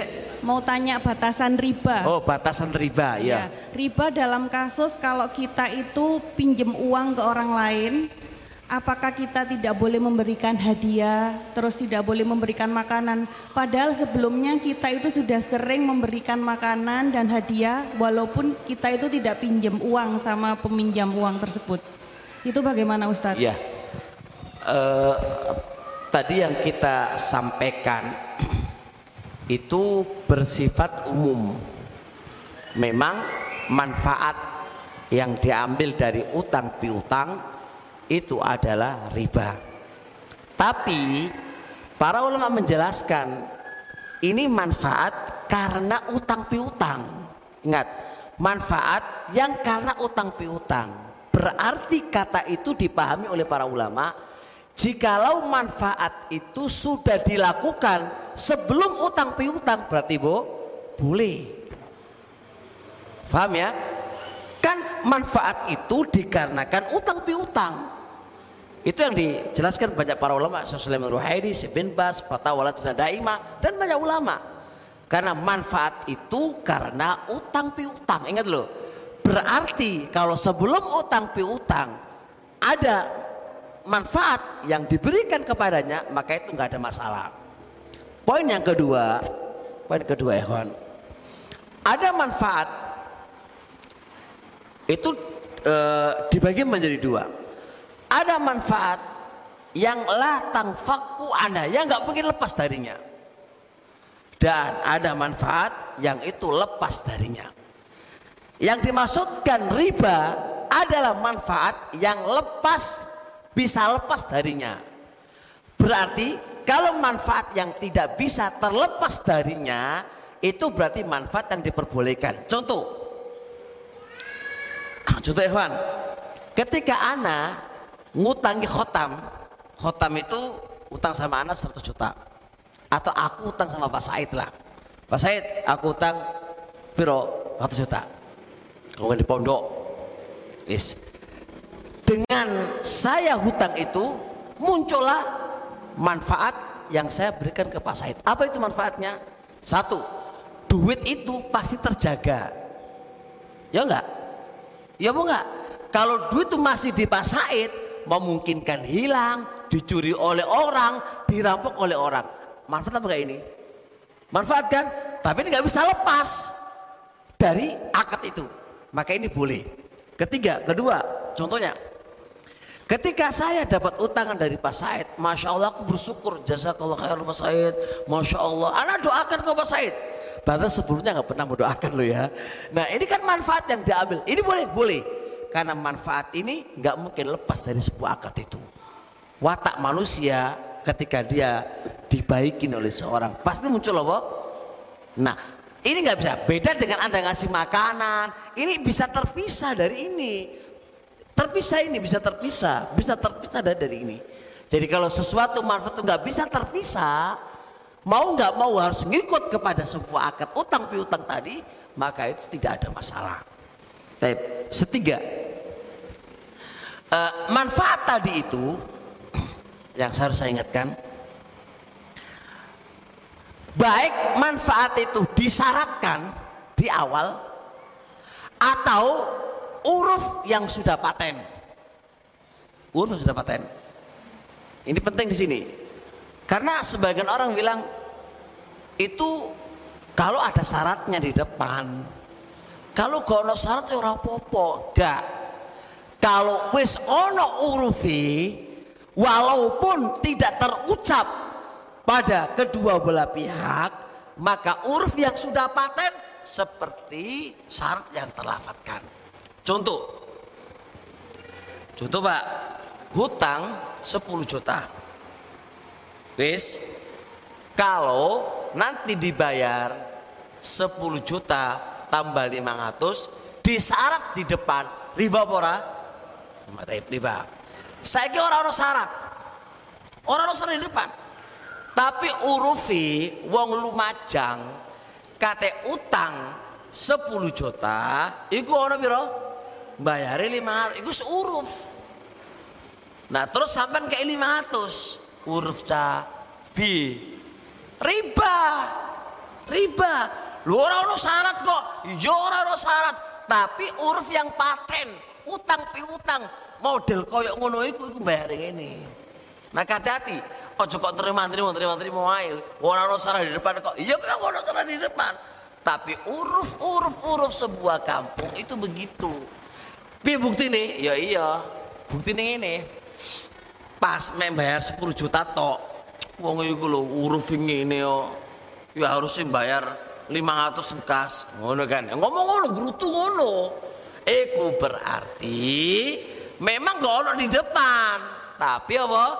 Urufi itu dijalankan. Itu sama aja riba. Hati-hati tuh. Kepada orang yang biasa ngutang kesenangan pak. Tapi yang uruf yang ngono anda jangan mau dikasih apa pun dari dia. Karena uruf yang jalan itu seperti syarat yang terlafatkan sudah umat? Udah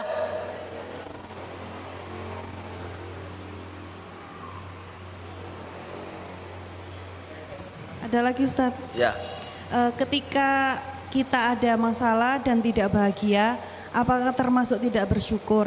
Padahal pikiran selalu mengingat tentang banyaknya nikmat Allah. se se se se nggak jelas pecah suara Ya. nih Ketika kita ada masalah dan tidak se, se. bahagia, ketika kita ada masalah ada masalah dan tidak bahagia, dan tidak bahagia, oh ini masalah keluarga iya masalah keluarga Ustaz, masalah keluarga. Jadi ketika ada masalah dan tidak bahagia, masalahnya itu ada rasa nggak bahagia itu maksudnya. Iya terus? Ketika kita ada masalah dan merasa tidak bahagia, oh iya itu apakah butuh masalah ya terus? Apakah termasuk tidak bersyukur? Padahal pikiran selalu mengingatkan tentang banyaknya nikmat Allah. iya Pertanyaan titipan Ustadz. yes iku biasanya wong lanang. Wong lanang iku mateni karakter bojone. Piye mat cara matenane? Syukur lo syukur syukur. Ngono iku hujae wong lanang. Ya wong lanang modele ngono kuwi iku. Menghujai wong wedok piye hujae harus bersu bersyukur. Nikmati akeh sudah saya kasih gitu kan. Hujanya wong lanang kepada perempuan dengan gaya semisal itu iso uga bener iso uga salah. Nggak bisa selalu benar. Bagaimana? Kita lihat dulu masalahnya. Wanita ini nggak bahagia karena opo itu tanya dulu. Karena apa dia nggak bahagia? Karena duit dilihat dulu duitnya. Ya wis dikasih sebulan itu loh 10 juta. Ya toh? Apa rumah udah dibikinkan? Nah ketika wong wedok misal koyok ini berarti dia dibutuhkan untuk rasa bersyukur. Ini berarti perempuan yang kurang beres. Tapi ketika nggak bahagianya itu bukan di sini tempatnya. Apa tempatnya? Aku lu dicuekin terus. Nah, ngono kan? Lho itu biasanya ngono ku dicuekin terus. Apa maneh kerjane iku mek eh, kerja eh, dikerja dari jam 7 pulang jam 5 mari ngono wis sudah nggak di rumah di rumah sih main HP aja dia nggak merasa bahagia karena suaminya nyuekin dia karena dia butuh. Butuh apa? Sentuhan lah butuh ngocehnya wong wedo iku butuh didengerin. Nah kalau semisal itu berarti sing salah sobo ya suami. Karena jangan diukur kebahagiaan itu letaknya pada duit. Jangan diukur itu. Kebahagiaan yang harus diberikan suami kepada istrinya adalah kebahagiaan lahir dan batin. Terkadang suami istri itu nggak butuh duit, dia hanya butuh kasih sayang, butuh kelemah lembutan dari sang suami. Ngono loh, kok ngerti? Iyalah. Jadi khotam ngono iku lho. Khotam ngono, istrinya itu nggak butuh duit. Yang butuh apa? Ya romantis ya, romantis itu ya. Mek abang lambe tok wae. Perempuan jangan mau mulut apa? Mulut-mulut buaya, wong lanang ora. Sing dibutuhkan ora kok mek lambe tok. Romantis romantis mek lambe tok bukan. Tapi apa sidqul kolbi, kejujuran hati ngono lho. Itu yang dibutuhkan. Jadi sentuhan eh, apa namanya? eh, ya ngono lah dikasih. Pas Said ya. Saya baca kitab Akhbaru Akhbaru Nisa, kabar-kabar para wanita. Ditulis oleh Ibnu Jauzi rahimahullah. Kayak kalau saya Ibnu Jauzi rahimahullah taala. Isine wong wedok iku siji. Dia butuh sentuhan hati. Ngono tok asline iku. Pokoknya antum alas sayang di ngono lho maksudnya. Aku rasa mengungkapkan wah itu karena saking apa saking gede nih. Sehingga gak bisa diungkapkan dengan dengan bahasa bahasa bahasa lisan. Nggak bisa di di, di, di bahasa lisan.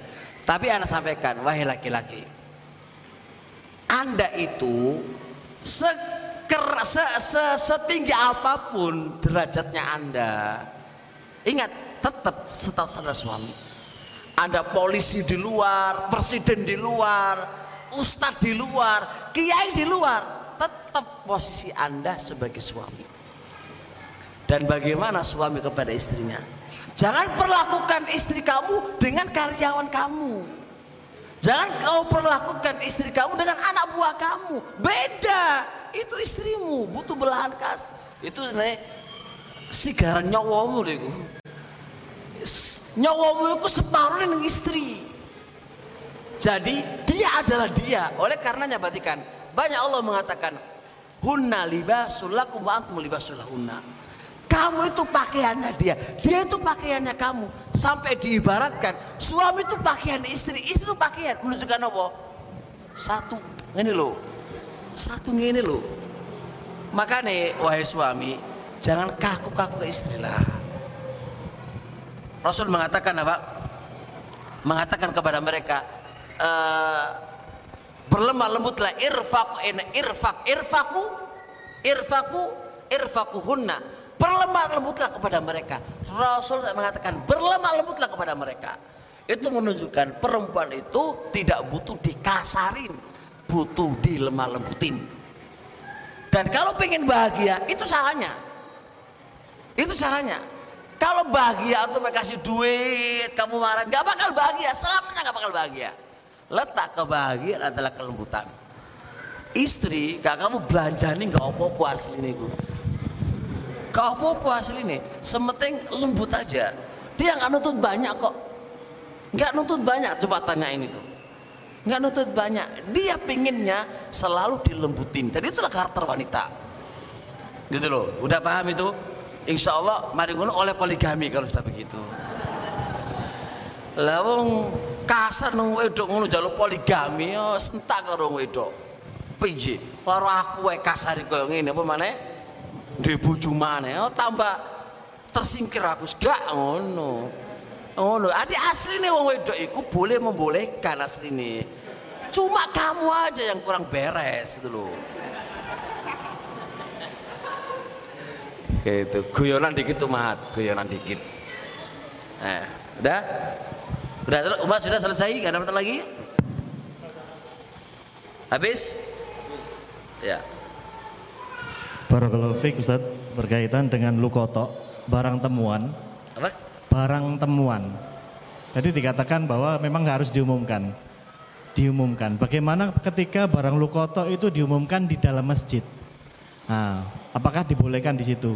Batas-batas mengum- mengumumkan barang di masjid itu apa-apa aja dan apa aja larangan-larangan yang yang diumumkan di dalam masjid dan yang kedua berkaitan dengan gadai apa gadai gadai pegadaian. Nah, seseorang A menggadaikan kepada seorang B HP contohnya Ustaz. Saya menggadaikan kepada HP kepada B ini dengan 500 ribu. Kemudian yang A ini sebenarnya juga membolehkan boleh nggak dipakai? Silakan boleh. Bagaimana hukumnya nih? Dengan izin yang A ini Ustaz. Barakallahu fiik, jazakallah khair. Adapun terkait dengan apa saja eh, larangan-larangan yang ada di masjid, sebenarnya saya punya kitab kitab terkait dengan hukum seputar masjid. Saya sebutkan di kitab itu tiga perkara. Apa saja perintah yang harus diberikan di masjid dan apa saja yang dilarang di dalam masjid dan apa saja yang diperbolehkan di dalam masjid. Tiga bab dalam kitab itu. Dan yang bangun masjid ini harus belajar ini dulu nih. Ah, Takmir masjid ini harus belajar ini. Kalau enggak mumet nanti itu. Karena tanggung jawab besar. Hah? Ini insya Allah dibikin doro sehari dua hari selesai insya Allah. Taib. Di antara larangan dari masjid itu adalah mengumumkan barang yang hilang. Rasulullah SAW pernah mendengarkan orang yang mengumumkan barang yang hilang. Apa kata Rasulullah? Allahumma la yarudullah gitulah. Semoga Allah nggak mengembalikan barang yang hilang yang diumumkan di masjid. Ibnu Hazm mengatakan dalam kitab Muhalla, ini hadis menunjukkan haramnya ngumumkan barang hilang di masjid. Itu insyad. Insyad itu adalah ngumumkan. Bahkan Ibnu Hazm tidak hanya ngumumkan, menanyain orang. Nanyain orang dia, barang yang hilang di masjid itu termasuk dilarang. Contoh, HP-mu hilang di masjid. Ada yang tanya, duduk, Mas, ngerti nggak HP ku hilang? Gak oleh. Kalau pengen nanya jukuan sih, gawon yang jobo, Mas, HP ku hilang. Nah, karena di beberapa hari ada iklan, ngumumkan. Ada ada mana yang ngumumkan barang yang hilang, itu masuk Anda menanyai barang yang hilang. Dong ora? Gak oleh. Gak oleh. Berarti barang lukoto tidak boleh diumumkan di masjid. Gak oleh. Lewat speaker gak oleh. Hatta nggak speaker gak oleh. Terus bi di luar masjid. Fukoha ketika membahas tentang pengumuman barang lukoto di tempat perkumpulan manusia di antara tempat perkumpulannya itu masjid. Apakah dipahami diumumkan di dalam masjid? Enggak, di luar masjid, di pintu-pintu masjid di luar. Dulu masjidnya itu orang-orang koyok ngene, pintu ya wis berarti apa? Luar. Berarti neng luar, pinggir pintu dengan mengumumkan, ayo sobo sengilang, ngono ngono. Oleh suka sungkan. Orang suka sungkan, ngono ngono tempatnya. Itu maksudnya. Jadi nggak oleh ngumumkan di masjid. Bahkan fuqaha menyebutkan pakai SMS atau nang masjid pakai SMS. SMS lo yo, SMS. Siapa yang DS ini masjid lo yo, iku gak oleh. Iku padha karo ngumumkan, sejenenge ngumumkan barang yang hilang, boleh lewat SMS, boleh lewat speaker, boleh lewat nanya, iku jenenge ngumumkan. Gak oleh. Wis jelas baik. Pertanyaan kedua terkait dengan gadai. Perkara haram itu nggak diikat saling ridho. Gak diikat. Contoh loh, aku utang, utang gak usah gadai masalah utang, utang aja. Utang 10 juta, bayarnya 15 juta. Ikhlas, aku ikhlas, Pol. Ikhlas sampai mati, wis ikhlas, ikhlas. Gimana nggak ikhlas? Hutang sana sini nggak boleh. Bayangkan utang sana sini nggak boleh. Ini ini ada operasi. Lunggu utangan, bayangkan Pak. Terus ada yang ngutangkan 10 juta mas, bayar 15 juta. Mau, mau Pak, ikhlas, ikhlas. Apakah dengan keikhlasan dia dan saling ridho haram menjadi halal? Gak. Kalau ngono haram menjadi halal gara-gara ikhlas. Zino saling seneng. Halal ngono. Oh, daripada aku kesepian nih. Piye terusan? Aku rela, rela malahan. Bahkan ngundang, ayo, sapa sing gelem karo aku? Aku rela, ikhlas. Ayo acur kabeh. Tetap apa pun bentuknya yang namanya penggadaian kak kalau itu dari utang piutang senjenenge iku ri- riba gak oleh walaupun ada izin walaupun seneng walaupun ridho gak oleh semua itu dalam rangka apa daf'un membendung mafsadanya riba kalau itu diperbolehkan nanti semua akan apa nggak ada riba nanti sementing apa saling ridho saling ridho dibendung nggak oleh walaupun itu atas ridho nggak oleh pokoknya manfaat dari utang piutang riba gak oleh bisa dipahami? Taib sampai di sini insyaallah. Subhanakallah, hamdika, syada la ilaha illa anta, astaghfiruka wa atubu. Assalamualaikum warahmatullahi wabarakatuh.